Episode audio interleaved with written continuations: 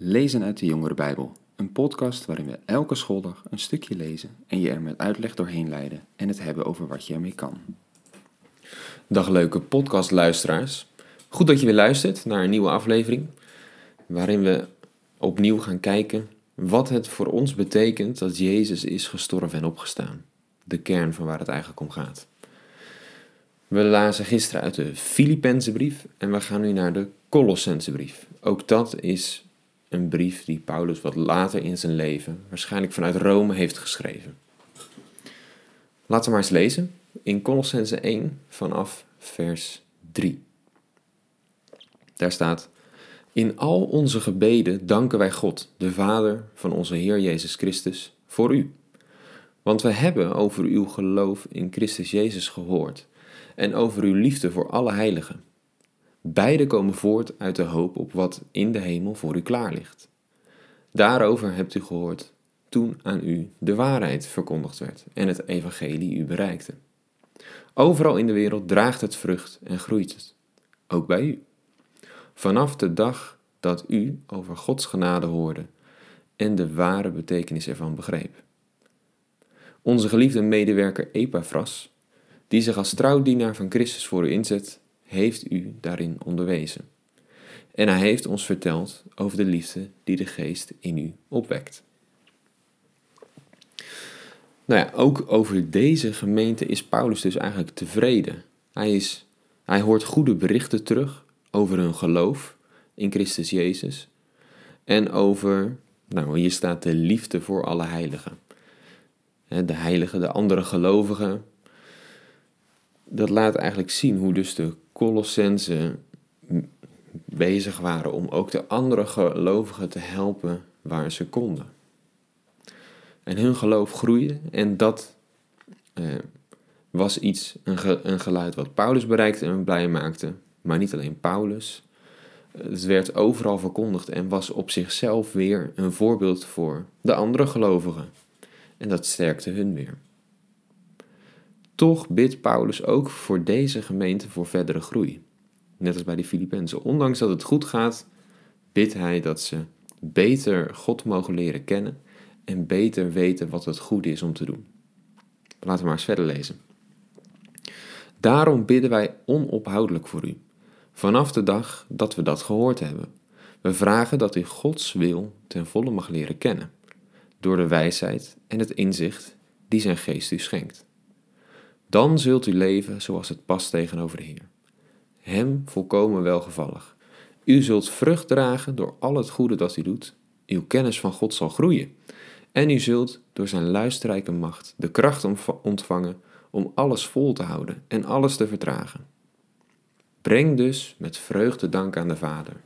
Hij stelt u in staat om te delen in de erfenis die alle heiligen wacht in het licht. Hij heeft ons gered uit de macht van de duisternis en ons overgebracht naar het rijk van zijn geliefde Zoon die ons de verlossing heeft gebracht, de vergeving van onze zonden. Ja, ook hier, eh, begint, Paulus begint dus met de vragen dat ze Gods wil ten volle mogen leren kennen. Met wijsheid en inzicht, wat God door zijn geest geeft. Nou, en dan, dan zullen ze verder groeien. Dan zullen ze goede keuzes maken, vrucht dragen ze, hun kennis zal toenemen. Dan zullen ze macht en kracht ontvangen van God om alles te kunnen verdragen. dan kunnen ze dus verder komen in het leven. En misschien is dat eigenlijk ook wel de samenvatting van wat we eigenlijk hier op aarde zouden moeten doen met het geloof. Kijk, soms dan voelt het misschien een beetje van het gaat vooral over de toekomst, in de hemel. Dan is alles goed. Dan, eh, dan is, krijgen we alles wat ons beloofd is. En hier op aarde, ja, zitten we de tijd een beetje uit. Doen we wat leuke dingen die we tegenkomen, maar dat maakt verder niet zoveel uit. Dat is dus niet per se waar het, hoe Paulus het hier beschrijft. Wat en wat hij ook op andere plekken beschrijft, is dat we hier op aarde bezig mogen zijn om te groeien, om steeds meer eigenlijk te gaan lijken op hoe Jezus Christus zelf was hoe hij deed en hoe hij dacht en hoe hij vertrouwde op God. Ons doel hier op aarde is om steeds meer op Hem te lijken. dat zal je leven veranderen. Dat zullen andere mensen ook aan je zien. Maar zo komen we steeds dichter bij hoe we uiteindelijk straks zullen zijn. Want straks zullen we net als Hem een onsterfelijk lichaam hebben. En zal ons denken nog verder veranderd worden en zullen we nog dichter bij Hem leven. Maar hier op aarde mogen we daar dus al naartoe werken. En dat begint allemaal met dit ene ding.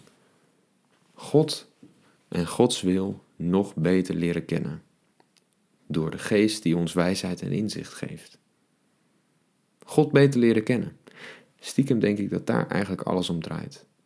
Ook alles wat God doet, al die verhalen uit het Oude Testament, keer op keer zie je dat hij daarin iets van zichzelf laat zien aan zijn volk en aan de volken daaromheen. Moet je maar eens opletten.